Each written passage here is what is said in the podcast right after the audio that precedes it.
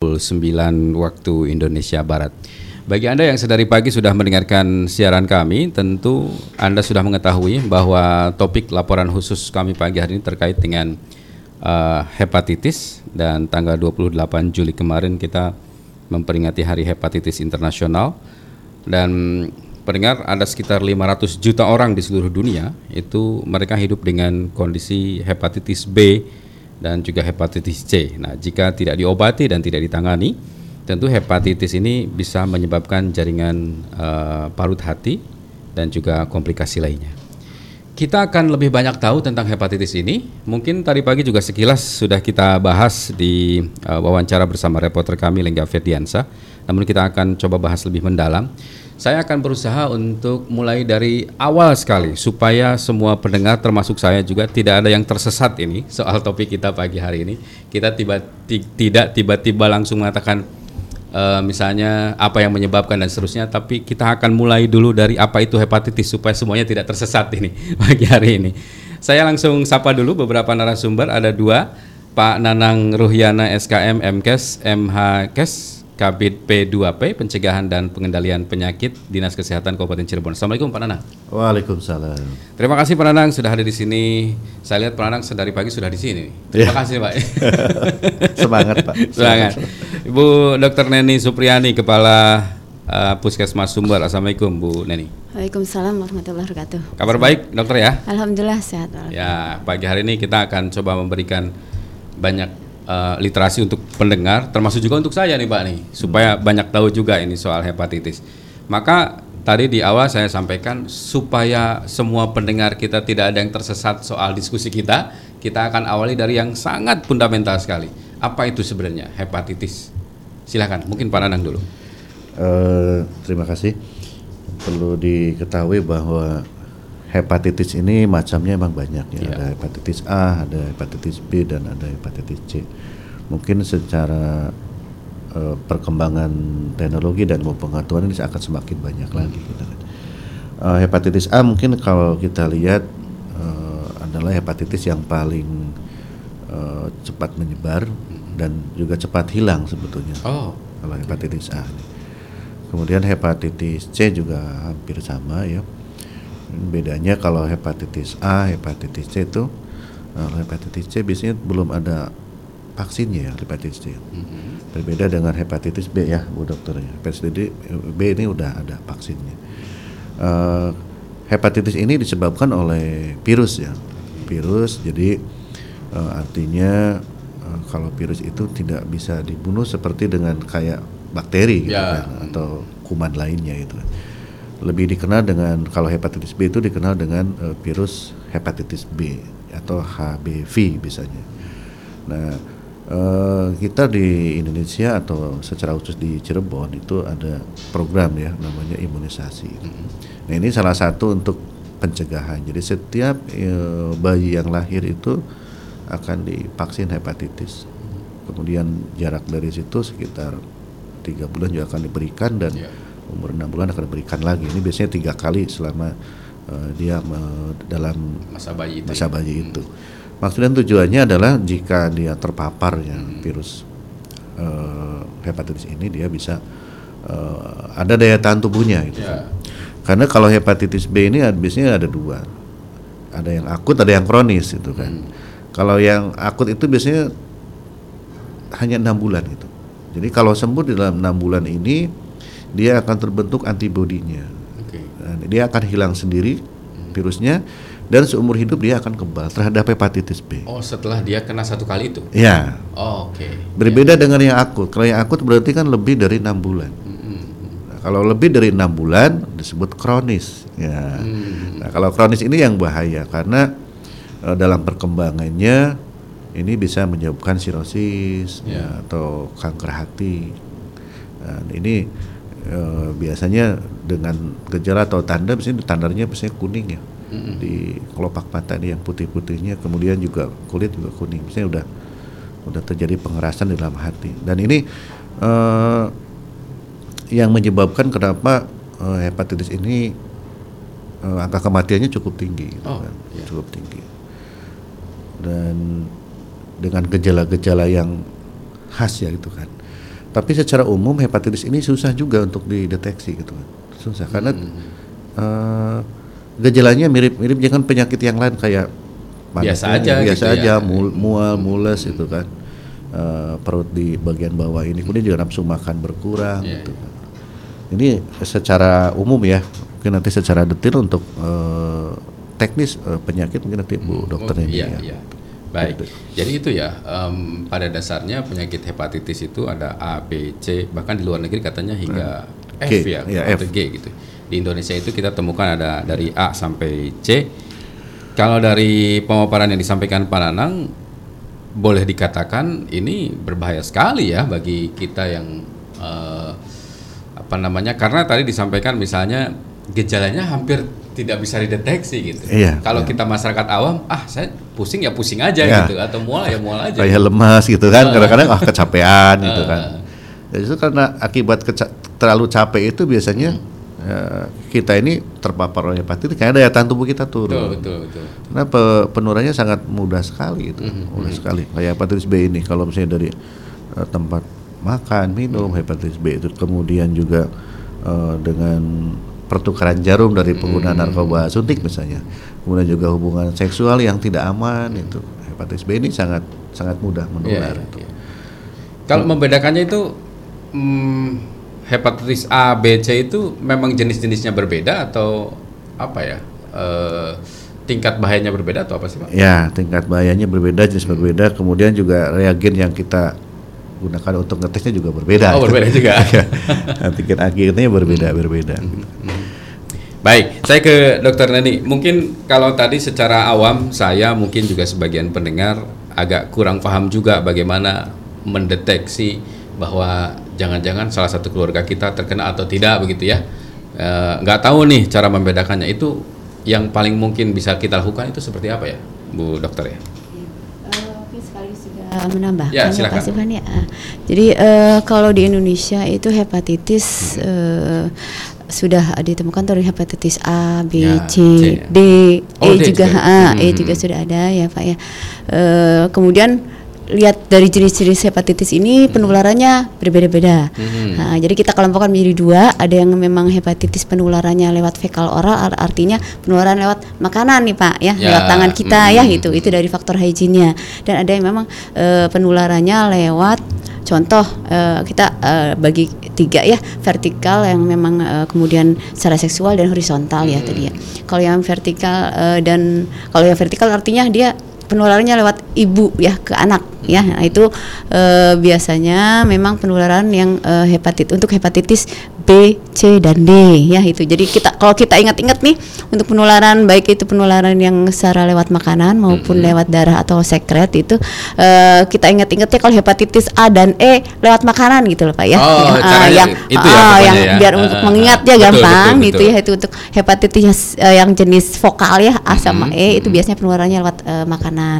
Kemudian untuk yang hepatitis jenis eh, B, C, D ya kebanyakan yang tadi ya saya sampaikan baik itu lewat vertikal, seksual eh, eh, maupun eh, yang horizontal. Nah, horizontal ini lebih banyak ke yang eh, hepatitis jenis A sama E sebenarnya gitu ya. Mhm. Ya, kemudian eh, untuk eh, dari sisi bahayanya ya Pak ya. Karena memang tadi sudah disampaikan oleh eh, Pak Nanang bahwa eh, untuk hepatitis ini memang ada yang akut ada yang kronis ya, Ya. jadi yang eh, karena memang si virus virus itu kan eh, kaitannya juga dengan daya tahan tubuh kita. Betul. ya gitu. Jadi ada yang eh, berkembang menjadi kronis dalam arti enam bulan lebih juga dia masih berjalan prosesnya itu terkait dengan daya tahan tubuh manusianya sendiri gitu. Jadi Oh, masing-masing orang berbeda-beda ya, betul Bu, Pak. Jadi eh, pada saat hepatitis akut itu dia sudah bisa melewati Mm-mm. dan akhirnya tidak menjadi kronis, ya aman gitu ya, aman. Boleh katakan aman lah Aman gitu ya. gitu ya. Tapi kalau misalnya dia sudah masuk hepatitis 6 bulan lebih ternyata dia masih ada si virusnya, ya bisa terjadi hepatitis kronis yang bisa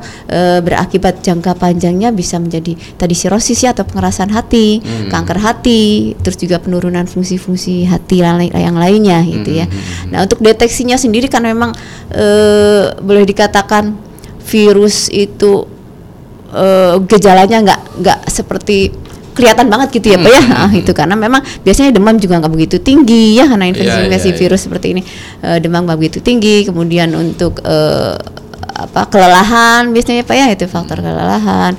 Kemudian juga ada mual gitu. Jadi seperti virus yang lainnya tidak begitu eh, boleh dikatakan tidak begitu nyata gitu ya.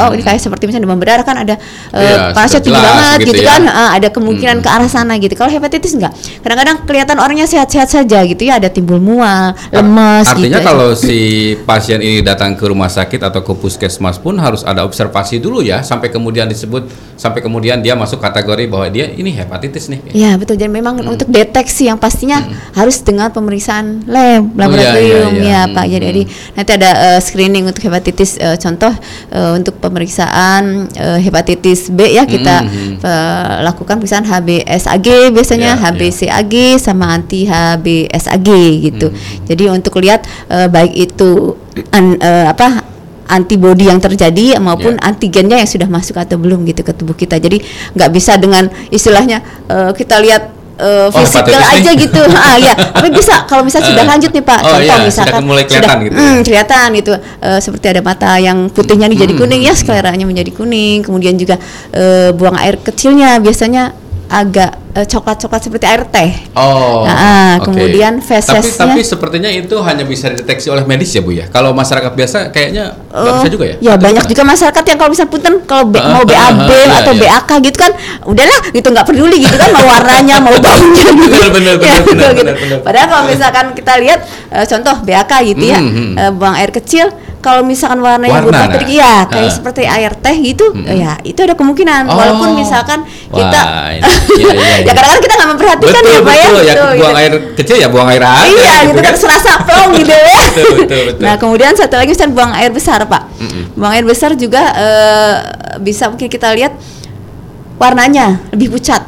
Oh, itu ada indikasi. Iya ada indikasi ke arah sana gitu. Jadi memang untuk untuk eh, deteksi pastinya harus dengan pemeriksaan laboratorium, dengan darah itu. Ya, ya, betul. Baik.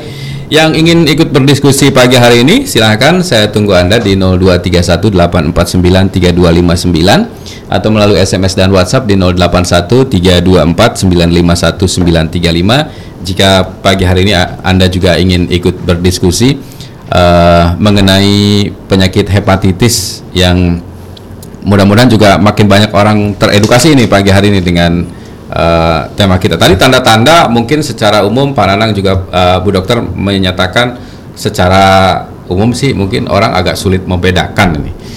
Tapi rata-rata mungkin saya masih ke Bu Dokter. Bu Dokter ketika ada pasien datang ke puskesmas, ada tidak mereka yang eh, langsung bilang ke dokternya bahwa tolong dicek dok ini kayaknya kena hepatitis gitu artinya mereka sudah punya edukasi tersendiri gitu soal hepatitis ini sejauh ini gimana Eh, sejauh ini sih ada tuh kalau sudah matanya kuning gitu loh pak. Hmm, hmm. Iya jadi kalau misalkan gejala-gejala awal itu eh, ke saya pribadi ya belum belum ada. Ya, Oh, belum ke- ada ya? eh, kecuali kalau misalkan mereka sudah ada hasil labnya. Hmm, Contoh misalkan eh, pada saat dia general check up gitu ya. Hmm. untuk ke perusahaannya itu eh, pernah ada terdeteksi dia eh, hepatitis. Hepatitis. Ah, ya itu pernah ada konsul. Tapi kalau misalkan ujuk-ujuk gitu ya istilahnya Kayaknya nggak ada oh, ya? nggak ada pemeriksaan lab kemudian dia ngerasanya Eh. memang lemah kayak gitu aja gitu ya dok saya kayaknya penyakit hepatitis belum belum pernah belum belum belum iya tenang tenang Tenang, jangan sejauh itu dulu gitu kan Iya, iya, iya. Iya.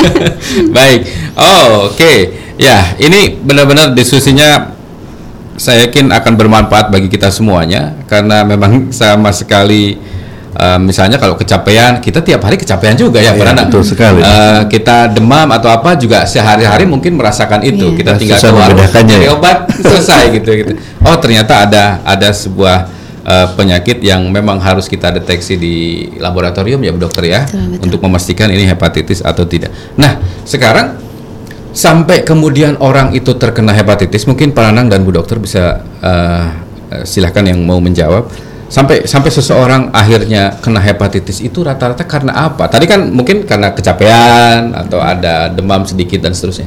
Seseorang sampai kemudian bisa terkena hepatitis itu karena apa ya?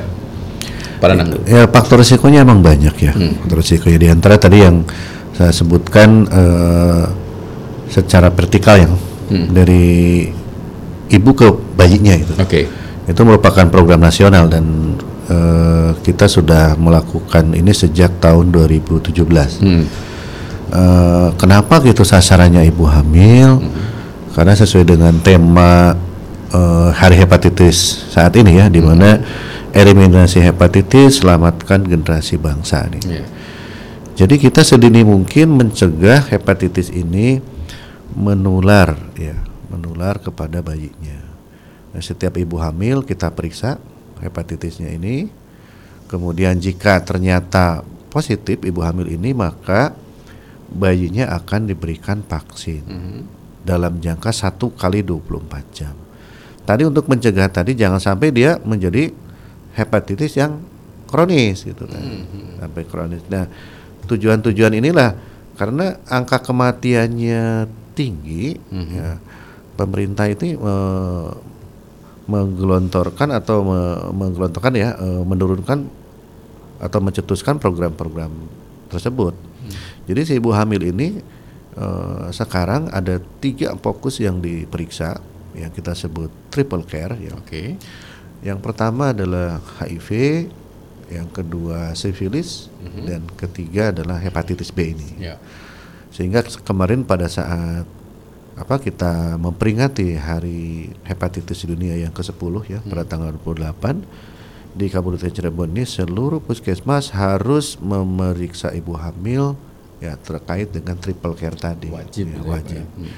Dan ini udah masuk ke eh, ANC ya, antenatal care artinya sudah masuk ke paket pemeriksaan wajib di dalam ibu hamil. Nah, kalau kita lihat semenjak di Kabupaten Cirebon ini dilakukan pemeriksaan terhadap eh, 19.234 ibu hamil ya. Itu ada 458 ibu hamil yang positif. Oh, hepatitis. Jadi cukup tinggi ya, antara ya mungkin sekitar 2, itu terpaparnya dari apa, Pak?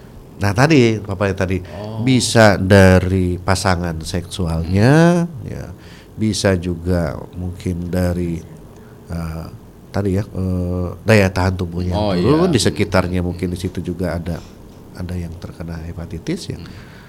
Eh, makanya dengan PHBS ya pola hidup bersih dan sehat itu udah mestinya ya pokoknya ada di situ. Ya.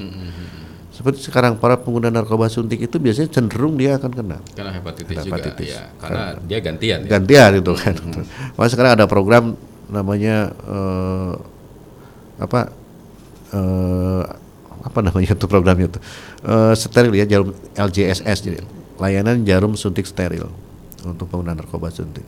Jadi banyak hal yang eh, program ini kita selalu mix gitu kan mesti antara program satu dengan program yang lain sehingga menjadi komprehensif gitu kan. komprehensif. Eh, kemudian eh, uji saring darah juga. Kalau kita ke PMI kan kita biasanya ada info konsen kan ya. Jika darah tersebut eh, mengandung eh, penyakit-penyakit yang berbahaya maka akan dimusnahkan darah itu. Nah ini salah satunya juga. Jadi jangan sampai eh, orang yang ditransfusi itu tertular gitu kan. Oh, Nih, Itu ada namanya uji saring darah itu. Itu juga salah satu pencegahan di dalam eh, penyebaran hepatitis, kemudian juga HIV dan penyakit-penyakit menular lainnya. Eh, seperti tadi yang diungkapkan oleh dokter ini bahwa emang reagennya ini macam-macam ada tiga ya, ada HBsAg, ada HbCasG dan ada anti HbsAg itu kan tergantung dari keperluan kita untuk Iya. untuk meriksa apa gitu kan. Yang jelas kalau misalnya dia sudah positif kayak tadi ibu hamil, kalau bayinya divaksin ibunya kita rujuk ke rumah sakit ya untuk pengobatan. Nah emang obatnya sampai saat ini emang belum ada, tapi ada eh, obat kayak hepatitis B ini anti retroviral, jadi Oke, antivirus. iya. Ya artinya bukan menyembuhkan, tapi kita mengendalikan virus Hmm, hmm. sehingga tidak terjadi replikasi gitu, virus betul, tersebut, tidak memperbanyak diri, tapi eh, kita cegah jangan sampai banyak virusnya, akhirnya kita tekan tekan tekan sehingga lama-lama akan hilang. Ya, ya. Seperti itu. Mhm. Baik, saya ke Bu Dokter. Bu Dokter, em, lagi-lagi saya memposisikan orang yang sangat awam, Bu Dokter. Eh, ketika misalnya ada kita bersinggungan dengan orang atau dengan teman begitu, eh, yang yang ternyata dia positif hepatitis tanpa dia sadari juga gitu, itu gimana Bu? Apakah secara otomatis nanti akan loncat juga ke saya atau gimana? Eh, tadi sudah disampaikan bahwa memang karena hepatitis ini di Indonesia endemis ya Pak ya. Mm-mm. Endemis dalam arti begini, eh, kita juga kalau nggak salah tahun kemarin juga sempat ada sekolah yang memang eh, Iya. ada kasus ya itu 2015. hepatitis ya. Di sekolah. Iya, seko- eh, sekolahan. Jadi itu eh, penularannya ya kebanyakan karena makanan ya, Pak ya. Nah, itu Oh, dari faktor iya. otomatis, faktor Mm. faktor dari hygiene-nya. Ya, eh, mungkin anak-anak sekolah juga kalau tiap kali makan lupa cuci tangan. Ya, itu jadi penularan secara fekal oral, penularan secara eh, lewat saluran cerna. Itu kebanyakan yang eh, cepat menyebar ya, itu yang sifatnya nanti banyak itu eh, biasanya siswa-siswa waktu itu memang ada juga di pesantren juga seperti itu. Jadi eh, kita memang nggak tahu eh, kita nih jadi tertular nggak nih? Gitu kan? Gitu. Iya. Iya, itu apa atau misalnya dia eh, membawa virus nggak? Kita nggak tahu pak. Gitu ya. Itu jadi yang penting eh, untuk penularan ini eh, apa untuk pencegahan penularan hepatitis ini pertama dari sisi kita cegah penularannya. Itu kan? Penularan baik secara vertikal secara seksual maupun horizontal kita eh, pilah-pilah dulu secara penularannya ya, Ya, Pak ya. ya. Jadi kalau misalkan penularan secara vertikal, otomatis pencegahannya pada saat misalkan ibu, ini kan sekarang eh, memang sudah dari program 2017 itu untuk semua ibu hamil kita deteksi ya Pak ya, yang tadi saya Hmm, disampaikan oleh ya. Pak Nanang. Jadi pada saat eh, dideteksi ternyata dia reaktif, otomatis dari eh, tenaga kesehatan akan mengantisipasi jangan sampai penularan secara vertikal, tadi ke Vertikal, anaknya gitu. Jadi pada saat eh, dia sudah eh, treatment ibunya untuk hepatitis, kemudian anaknya juga sampai tertular pada saat lahir karena itu Oh. dikasih vaksinasi Iya, iya. eh, satu kali 24 jam, jangan Ke lebih si ibunya itu ya. ke anaknya, Bayinya. ke bayinya. Artinya begini, kalau eh, si bayi itu terlahir, Bu Dokter, Iya. itu tidak juga di otomatis dia akan kena hepatitis kalau sudah di tangan ibunya. Ya, belum tentu. Oh. Mm-mm. Ya, jadi masih ada istilahnya eh, kemungkinan, ya memang Kemungkinan gitu ya. nggak nggak menyebabkan penularan ke anaknya. Karena itu bayinya harus divaksinasi satu kali 24 jam gitu. Baik, sejak lahir gitu ya. Iya, sejak Pak. Kemudian itu. kalau misalkan dia penularan seksual, otomatis eh, bagaimana untuk berseksual untuk yang aman kan gitu ya. Itu kalau misalnya sekarang mungkin eh, banyak yang mungkin nggak aman dalam arti misalkan dia nggak pakai kondom, misalkan dia sudah punya penyakit menular kan gitu. Ditambah juga misalkan eh, eh, apa tadi misalkan penularan secara secara seksual dari hepatitis ini ya otomatis lebih cepat nanti. Nah itu harus kita cut juga gitu. Bagaimana untuk berseksual yang aman. Kemudian yang ketiga misalkan pers- eh, penularan secara horizontal. Iya. Nah, contohnya ini penularan misalnya contoh eh, penyebaran penyakit hepatitis yang A dan E tadi Pak, ya itu. Bisa misalnya contoh untuk eh, keperluan-keperluan pribadi, eh, contoh misalkan handuk, ya Pak ya, kemudian sikat gigi Ya, seperti itu ya. kan gitu ya. Jangan sampai bersamaan dengan orang lain Dipinjemin. gitu. Oh, dipinjemin kan biasanya anak-anak anak eh, apa Ya, pesantren ya. gitu ya, Pak ya. Anak-anak kosan gitu anak ya. kosan ya Karena, kadang-kadang eh, eh, berdekatan. Ya betul nah itu Iya, kan iya. secara nggak langsung istilahnya nggak kita sadarin juga Oh, kadang-kadang iya, ya di iya, masyarakat iya. itu bahwa itu adalah mungkin salah satu salah satu juga penularan dari hepatitis ini jadi Mm-hmm. itu harus eh, diperbaiki juga masalah hygiene-nya tadi gitu Eh, Mm-hmm. kita sampaikan juga ke masyarakat bahwa eh, hal-hal yang berkaitan dengan kebersihan pribadi ya eh, alat-alat pribadi gitu ya dipakai secara pribadi gitu jangan Ya, dipakai ya. bersama-sama Benar, gitu benar, Pak benar, iya benar. jadi eh, untuk otomatis untuk penularannya juga kita harus cut dari PHBS-nya Hmm. gitu. Berarti ini untuk eh, para orang tua juga harus mulai mengingatkan, mulai memilah-milah ini kebutuhan anak kita secara pribadi yang tidak boleh dicampur dengan Campur. orang lain, Ya, dengan teman-temannya gitu. Ini nah ini milik kamu pribadi yang nggak boleh Hmm, dipinjamkan atau apa gitu ya. Mana yang boleh dipinjamkan supaya nanti salah satunya ya itulah mungkin Iya. cara yang paling efektif supaya bisa ini ya Pak Tidak ya. tertular. Tidak tertular.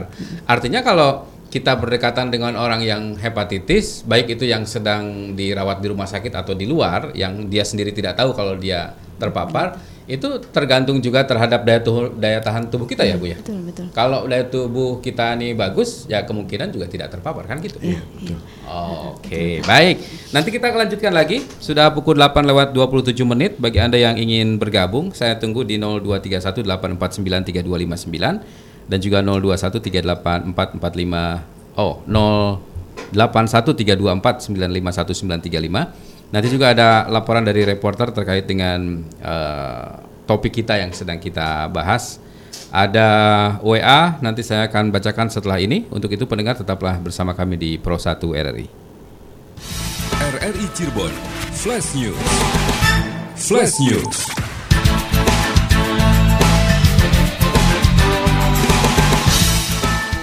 Pemerintah Kota Cimahi memfasilitasi pembayaran tiket bus wisata Sabah Kota Cimahi, Sakoci, dengan menukar sampah anorganik guna membantu mengurangi timbunan sampah di Kota Cimahi. Kegiatan ini dilaksanakan atas kolaborasi Dinas Kebudayaan, Pariwisata, Kepemudaan, dan Olahraga di Spud Parpora Kota Cimahi bersama Bank Sampah Induk Cimahi, Samici, Komunitas Gerakan Pungut Sampah, Yayasan Griwan, Go Green, Komunitas Bank Sampah Unit Cimahi, dan lainnya. Kepala Dinas LH Kota Cimahi, M. Roni mengatakan muncul ide bersama menukar sampah anorganik dengan tiket sakoci atas kolaborasi Dinas LH di Spud Barpora Kota Cimahi. Terkait pengelolaan sampah Kota Cimahi pada tahun 2025 ditargetkan dapat mengurangi timbunan sampah hingga 35%. Saat ini pengelolaan sampah masih konvensional yaitu kumpul angkut buang padahal sampah memiliki manfaat jika dipilah dan diolah menghasilkan nilai ekonomis. RRI Cirebon Flash News No, mime kesakri hinggi sekedap mungkin namun noke bade kesa kunci disimpan teng tempat biasa mawon dikengkan melebet rencangnya teng ria sampun teng jawi mime kesakri hinggi nok assalamualaikum Waalaikumsalam, Mi. Nggih, hati-hati yo, Mi. Ibu kamu ngomong apaan sih?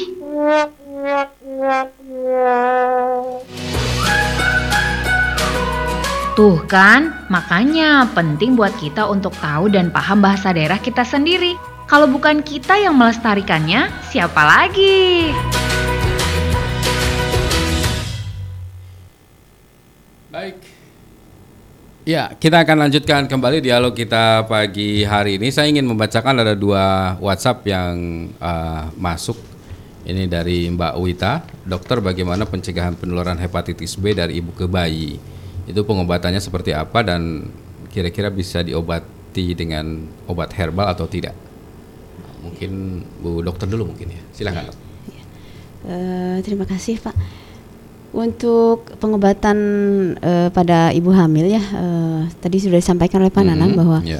untuk membunuh virusnya sendiri itu belum ada sampai sekarang obatnya, Oke. hanya untuk mengurangi perkembangan dari infeksinya virusnya sendiri, Ha, itu si virusnya sendiri. Nah itu eh, di Indonesia sudah ada anti antiviralnya ya itu. Jadi nanti ibunya pengobatan dan pada saat st- ibunya dipantau karena memang pemantauannya itu kan lama ya Pak ya, Ya, itu. ya, Tadi saya sebutkan eh, untuk untuk eh, akut menjadi kronis aja itu enam bulan lebih ya itu. Ha, dan eh, kalau misalnya sudah menjadi kronis ya eh, di samping dia kemungkinan nanti timbul pengerasan hatinya, kemudian eh, kanker hati ataupun misalnya gangguan fungsi-fungsi hati yang lainnya juga bertambah besar kemungkinannya. Karena itu untuk terapinya sendiri ke ibu hamil harus dikasih antivirus. Ya, semua di semua puskesmas sudah ada ya karena memang It- difasilitasi itu oleh ibu hamil yang mulai mulai eh, dinyatakan positif hamil harus sudah mulai atau gimana?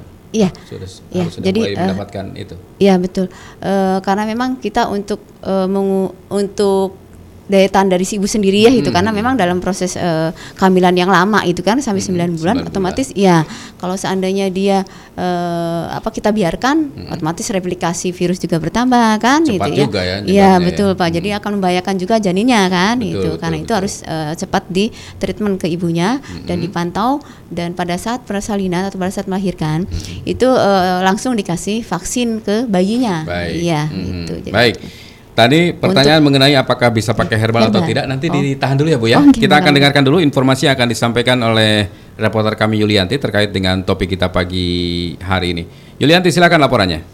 Iya, Subhan dan pendengar RRI Pro 1, saat ini saya berada di uh, Puskesmas Kedawung dan memang Puskesmas uh, menjadi salah satu tempat untuk masyarakat memeriksakan kesehatannya khususnya ibu hamil. Selain tentu uh, mereka menginginkan atau memilih bidan sebagai tempat mereka untuk berkonsultasi terkait dengan kehamilan mereka.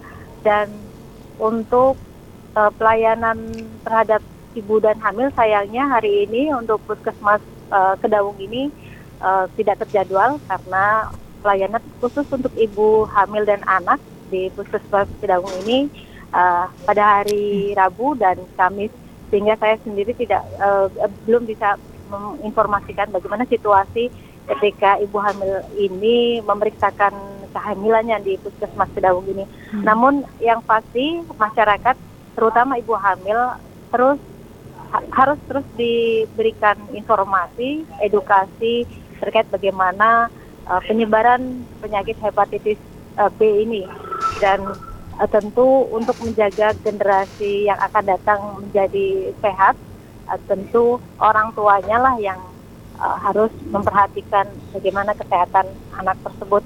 Dan kalau bicara tentang ibu hamil yang memeriksakan kesehatan di puskesmas Kedawung ini saya mendapatkan data dari bagian atau poli kesehatan ibu dan anak puskesmas Kedawung bahwa dari ibu hamil yang memeriksakan uh, kandungannya sejak uh, bulan Januari hingga Juli 2019 ini terdata 410 orang yang uh, berasal dari 8 desa di wilayah kerja uh, Puskesmas Kedawung hmm. dan selama pemeriksaan ataupun uh, screening yang uh, jatuh dalam rangkaian hari hepatitis sedunia tanggal 28 Juli kemarin telah dilakukan pemeriksaan serentak, uh, screening serentak di puskesmas, termasuk di puskesmas Kedawung pada tanggal 25 hingga nanti 31 Juli ini.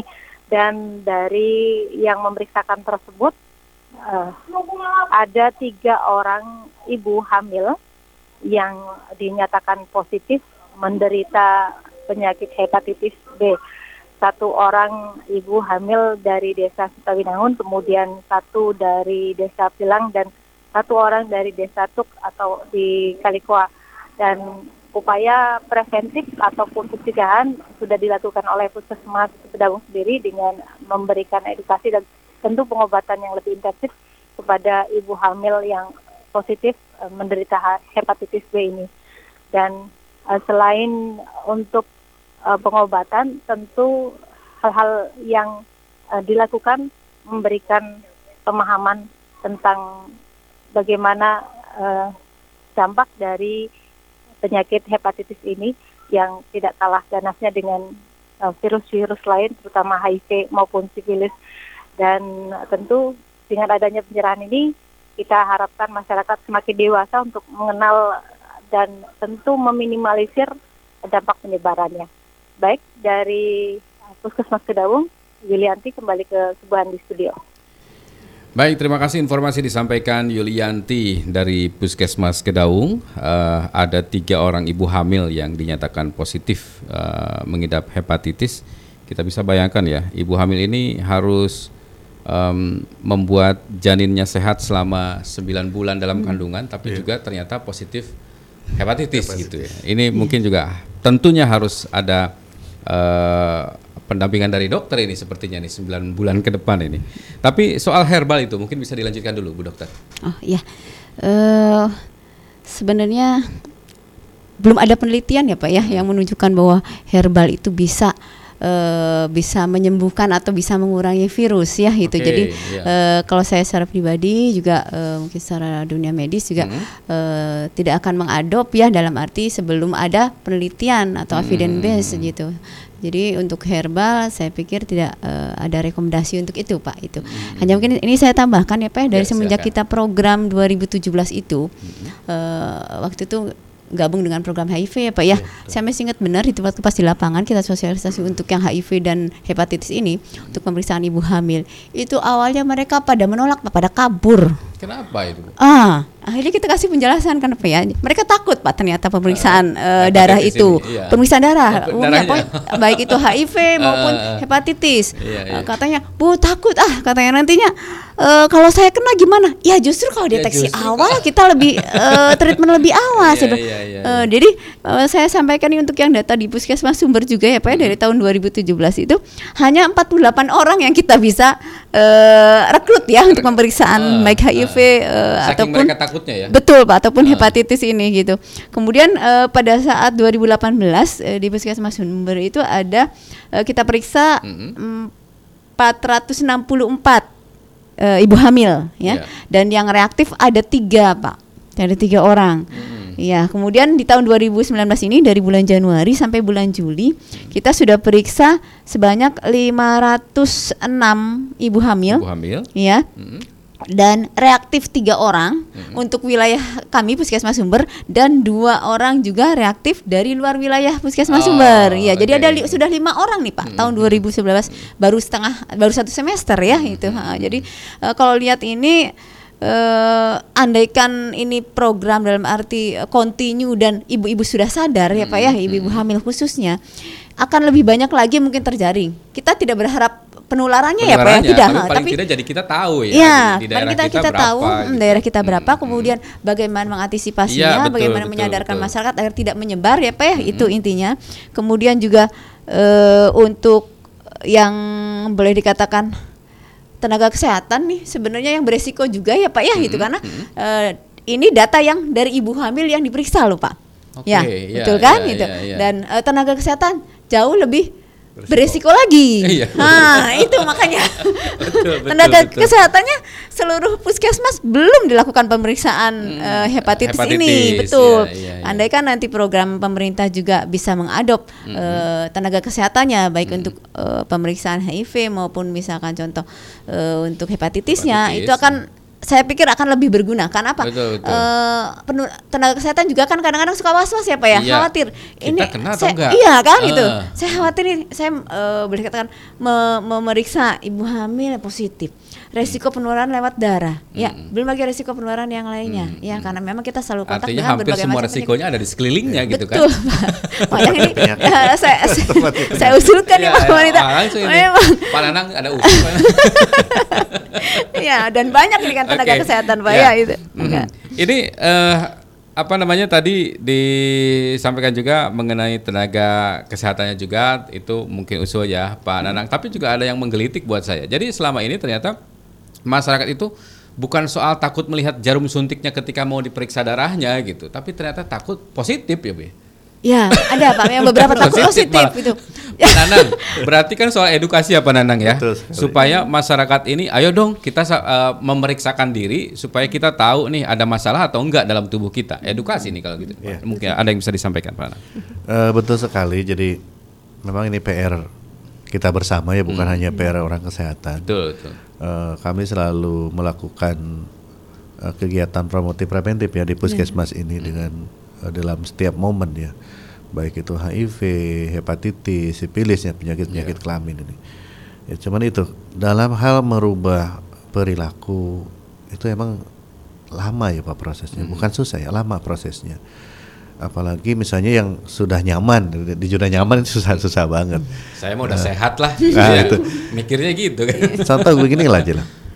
Eh, ada beberapa kejadian di ya seperti contohnya ibu hamil ya. Begitu kita ponis bahwa dia reaktif HIV atau hepatitis, lalu bandingkan dengan eh, teman-temannya biasanya begitu. Lah, saya ini sehat-sehat kok, nggak pernah diimpus, nggak pernah disuntik gitu. Kok bisa? Nah, kok bisa tertular gitu kan? Ya emang begitu. Jadi kayak HIV, hepatitis nggak kelihatan gejalanya, tapi yang setelah dibuktikan dengan eh, pemeriksaan reagen, nah dia kaget itu. Makanya kagetnya itu dia dia, dia takut kalau positif saya harus bagaimana. Iya, gitu. iya, iya, iya. Padahal eh, dengan edukasi itu kita sudah menjelaskan sedini mungkin kita ketahui akan semakin mudah dan semakin cepat dalam pengobatannya ya dan pengatasinya itu. Ya tapi tetaplah keke itu kan. Makanya ini PR-PR kita bersama terutama yang garda terdepan ya puskesmas langsung itu yang bersentuhan dengan masyarakat ya. bersentuhan. Nah kemudian tadi masalah eh, kenapa sih orang orang kesehatan tuh berisiko? Betul sekali. Ya, hmm. Orang kesehatan itu sangat berisiko tertular yang baik melalui secara eh, langsung ya misalnya dari ketusuk jarum lah apa atau dari pernapasan juga dengan udara itu kan dengan dropletnya. Eh, sebetulnya di kesehatan ini sudah ada namanya PPI ya. Jadi eh, contohlah APD. Jadi ada alat pelindung diri yang harus kita lakukan Ya. dalam setiap kita eh, menghadapi pasien. Ya. Eh, kadang juga ada semacam resisten ya dari masyarakat. Loh, Kenapa sih orang kesehatan ini begitu ada saya nih pakai masker? Ada juga yang emang resisten. Jadi kita juga lihat-lihat mungkin ya, Bu Dokter Neni. Eh, tapi itu merupakan kewajiban orang kesehatan melakukan APD Ya. pasang maskernya, pasang sarung tangannya gitu aja. Belum kalau misalnya kayak ibu bidan mau nolong lahiran, Ya. dia harus pakai kacamata Google, pakai baju khusus lah bejubahnya itu kan. Jadi emang ada ada hal-hal yang harus dilakukan tapi ya sebetulnya di kesehatan juga belum belum banyak membudaya gitu kan budaya. Padahal itu sudah diberikan untuk bekal pendu- petugas kesehatan ya. SOP-nya sudah sudah sudah sudah ada, ada gitu. sudah ada di sebenarnya. Ya itulah. Nanti begitu tertusuk jarum misalnya ternyata orang itu punya penyakit menular yang berbahaya, wah, baru dia kaget, nangis lah gitu kan. Saya harus bagaimana, harus bagaimana taruhlah tertusuk jarum karena si ibu hamil itu mungkin HIV misalnya Iya, iya. dia udah stres gitu kan. Hmm, Belum nanti yang hepatitis karena hepatitis B ini dengan HIV ini kan sangat Iya, iya. sangat sa- mirip ya, mirip dalam dalam Dan penanganan. penyebarannya cepat begitu ya. Cepat sekali. Uh, makanya ada uh, tata cara kita bagaimana terjadi pajanan ini uh, kita melakukan uh, propilaksis misalnya. Iya. Udah ada kita ada. SOP-nya sudah ada bagaimana ini terjadi terjadi ini. Karena udah antisipasi gitu. Baik. Cuman ya itu, jadi bukan hanya di masyarakat ya, masyarakat kesehatan juga mungkin masih ada eh, apa kesulitan ya untuk melakukan APD. Nah, tapi tidak bosan-bosannya kita pak Ya. untuk eh, melakukan edukasi kepada masyarakat. Baik, ini ada pertanyaan. Mungkin tadi sebagian sudah kita bahas. Eh, mungkin kalau mau dibahas kembali singkat-singkat saja, Pak eh, Nanang dan juga Bu Dokter. Punten, saya bukan ahli kesehatan. Sebenarnya apa sih yang dimaksud dengan hepatitis? Ini dari Pak Didi Sunardi. Kepada siapa hal ini bisa terkena? Apakah penyakit hepatitis berbahaya dan mematikan? Kemudian langkahnya ini yang harus dilakukan seperti apa supaya tidak terkena penyakit tersebut. Silakan. Oke, Eh, tadi di awal sudah diungkapkan bahwa hepatitis ini adalah eh, sebuah penyakit yang diakibatkan oleh virus hepatitis, ya.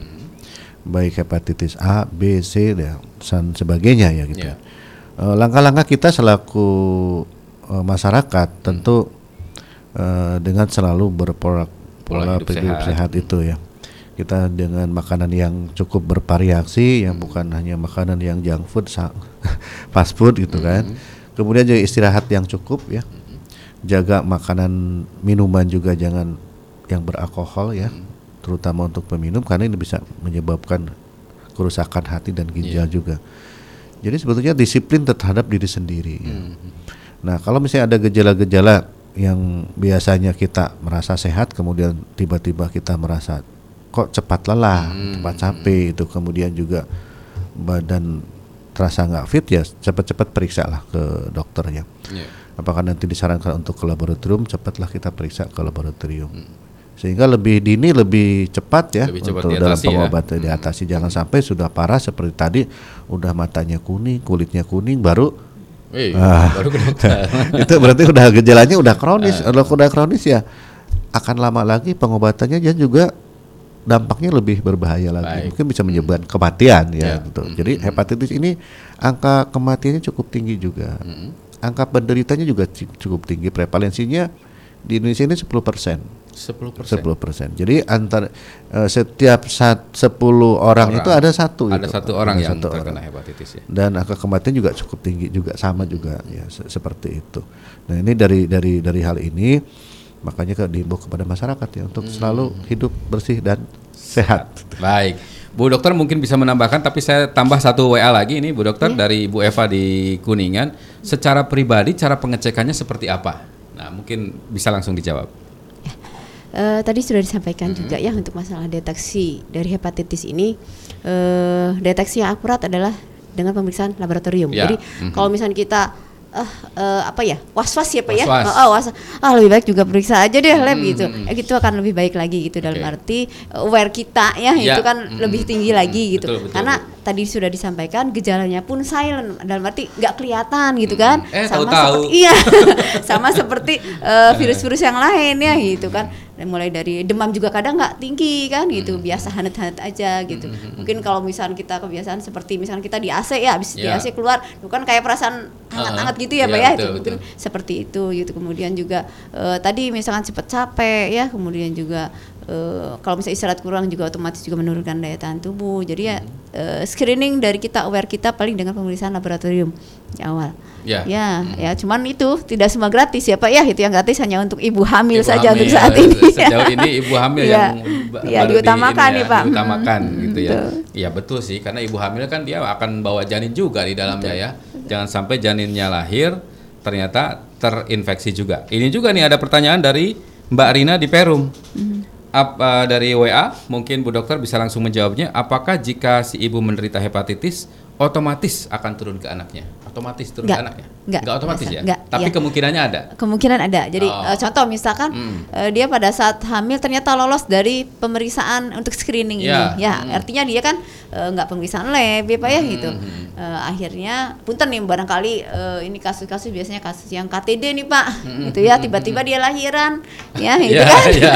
lahiran eh, pas dicek eh, Ternyata positif. ternyata atau misal kadang-kadang anaknya dulu nih kuning. Kelihatan Oh. kuning gitu kan bayinya tuh itu. Akhirnya kita cek bayinya ternyata hepatitis ya positif. Tapi Akhirnya gini kita dok, saya, juga saya- potong ibunya. dikit aja. Tapi Iya. gini, kalau anaknya kuning kemudian positif hepatitis, Hepatitis. otomatis ibunya hepatitis. Kalau memang dari mm, dalam rentang waktu dia masih bayi, Pak Uh-huh. ya, ah, eh, kita usahakan screening juga ibunya. Oh, gitu, ja- iya, ya memastikan maksudnya gini, ya. ya, Uh-uh, maksudnya gini, kita eh, jangan sampai nanti dia ternyata punya program punya anak lagi ya gitu, si ibunya belum juga treatment nantinya Oh, iya, gitu. iya, iya, ya, iya. kita anjurkan sih seperti itu, Oke, Pak. Iya. wah ini untuk ibu-ibu hamil nih. Eh, hati-hati juga artinya kalau selama ini merasa belum ada pengecekan lebih baik segera dicek begitu ya ke laboratorium memastikan Iya. supaya nanti bayi yang lahir juga eh, sehat. Biar Baik. gratis ya di puskesmas aja, Pak. Nah, Betul. itu biar gratis di puskesmas aja. Iya. Baik, eh, saya ke karena waktu kita sudah sangat terbatas, Pak Nanang. Kalau secara penyebaran nih, mungkin ada datanya Pak Nanang di dinas kesehatan em, dari seluruh wilayah Kabupaten Cirebon yang paling sangat di warning sekali ini daerah mana nih Pak? Atau atau nyebar semua di mana-mana ada? Sebetulnya merata ya. Oh, merata. merata ya. Merata. Setiap uh, puskesmas itu udah punya kecamatan tuh udah udah ada itu kan. Karena ini kan mudah penularannya ya gitu Iya, kan. endemis tadi. Endemis, Iya, iya, iya. Kalau kita lihat dengan angka 2,3 persen di Kabupaten Cirebon itu udah kita bisa hitung berarti kan di antara 10 ibu itu 10 kan ya, ada satu orang ya. ada satu orang itu udah udah udah udah kelihatan gitu. Hmm. Oh Cirebon tuh dalam keadaan keadaan seperti ini. Nah makanya eh, tugas ya tugas-tugas kita itu bukan bukan hanya memberikan penyuluhan juga memberi contoh lah. Gitu. Hmm, Memberi itu apa yang dilakukan Nah, ya. itu. Hmm, hmm, hmm. Nah, Jadi, seperti itu. Contoh eh, kemudian langsung datang ke masyarakat mungkin ya. Iya. Dok, ya? Iya. Biasanya orang kesehatan yang pertama dicek, dites, ya kayak HIV itu Hmm. semua bidan kita tes, itu kasih contoh dulu. memastikan dulu Memastikan mereka clear baru ke masyarakat. Iya, gitu ya. Oke, baik. Nah ini juga tadi misalnya ada yang akut, ada yang kronis. Kronis. Yang akut saja itu perlu perlu enam bulan untuk ini ya, Untuk untuk sampai kemudian dia akan sembuh atau bagaimana. Nah selama enam bulan itu mereka tetap berada di dalam pengawasan dokter atau mereka bisa pulang kemudian beraktivitas seperti biasa atau seperti apa sih pak? Atau ibu?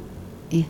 Eh, yang jelas itu dari sisi nutrisi harus kita perhatikan ya Pak ya. Nah, Setelah kita eh, di treatment kita harus eh, juga meningkatkan daya tahan tubuh dari si eh, penderitanya. Jadi otomatis untuk eh, dietnya ya itu yang harus tinggi protein misalkan gitu ya Pak ya, tinggi kalori gitu. Kemudian juga tadi faktor hygiene-nya gitu. Hygiene-nya harus tetap diperbaiki gitu. Jangan sampai nanti eh, dia menambah penularan ke orang lain misalkan gitu Ya, ya. ya. Mm, tadi sudah dijelaskan kan berkali-kali bahwa memang penularan itu lewat tiga itu baik vertikal, seksual maupun horizontal. Nah itu yang harus kita eh, cegah ya Pak ya itu. Kemudian eh, sem- bisa hepatitis itu sembuh ya itu dalam arti eh, masuk hanya sampai akut saja ya Pak ya. Oke. Tidak eh, menjadi Kronis. tidak sampai ke kronis. Tapi kalau lihat dari eh, statistik yang ada itu khususnya di Indonesia eh, ternyata yang sampai ke kronis itu sekitar 20 persennya itu. Jadi total itu ada sekitar 20 persennya yang menjadi kronis ya Pak ya. Dan dari 20 persennya itu eh, antara 5 sampai 10 persen itu menimbulkan kanker eh, liver ya sama eh, sirosis atau pengerasan hati itu. Jadi eh, memang untuk timingnya itu biasanya antara 5 sampai 10 tahun Pak ya untuk menjadi eh, untuk ketahuan akhirnya nanti eh, dia kena kanker atau sirosis itu. Karena itu memang harus di treatment awal itu harus benar-benar pas setelah diketahui memang hepatitis itu. Ya. Oke, kalau begitu sekarang bagaimana kita tetap menjaga pola hidup sehat yang sedari awal disampaikan Pak Nanang dan juga Bu Dokter supaya keluarga kita semuanya kita, keluarga, tetangga dan siapa pun Kenapa harus tetangga juga disebut? Karena tadi kan lingkungan juga Betul, ya. betul. Kita di rumah Mengancam. sehat ternyata Iya, lingkungannya. tetangga. Nah, silakan mungkin ada yang bisa disampaikan. Pak Nanang dulu mungkin. Oke untuk kita selalu dalam keadaan fit ya Mm-mm. atau dalam keadaan sehat ada namanya pola hidup sehat ya. Ya. Yang pertama tadi eh, pola makan yang seimbang. ya. Mm-mm. Kalau dulu ada namanya empat sehat lima sehat, sempurna. sempurna. Nah kalau sekarang namanya gizi seimbang. Gizi seimbang ini berarti ada unsur-unsur yang harus kita makan ya seperti tadi karbohidrat, kemudian juga sayur mayurnya mengandung vitamin B, vita, buah-buahan vitamin C, kemudian juga protein ya. Protein itu bukan hanya ikan atau daging ya, tetapi seperti tempe, Tempe, tahu ya. itu kan sebagai dan sebagainya. Kalau dulu sempurnanya itu dengan susu ya, susu. Sekarang mungkin susu juga macam udah bukan hal yang mewah, itu Mewah. kan hal udah sehari-hari biasa ya gitu sehari-hari. Ya, kemudian yang kedua adalah istirahat yang cukup. Jadi Hmm. kita tahu bahwa eh, setiap orang atau setiap eh, masa tubuh itu punya eh, tersendiri-sendiri ya. Hmm. Seperti anak-anak mungkin sehari semalam bisa 14 jam ya. Kalau Iya. orang kita ini yang sudah dewasa mungkin 8 jam. Mm-mm. Itu yang terbagi mungkin ada tidur siang, ada tidur malam ya dibagi-bagi. Eh, itu untuk yang eh, istirahat ya- yang cukup ya. Kemudian juga jagalah di dalam eh, lingkungan ya. Kita tahu bahwa lingkungan saat ini dengan kondisi seperti cuaca seperti ini ya. Jadi bukan hanya masalah makanan minum, tapi juga mungkin eh, alat pelindung diri. Ya. Mungkin kalau angin seperti ini kita pakai masker. lah. Masker, betul, Gitu kan. betul, betul. Itu sangat perlu. Jadi masker juga mesti masker yang bagus lah ya, yang betul-betul bisa menyaring. Kalau masker yang sekarang yang umum mungkin hanya dipakai seperti itu aja ya.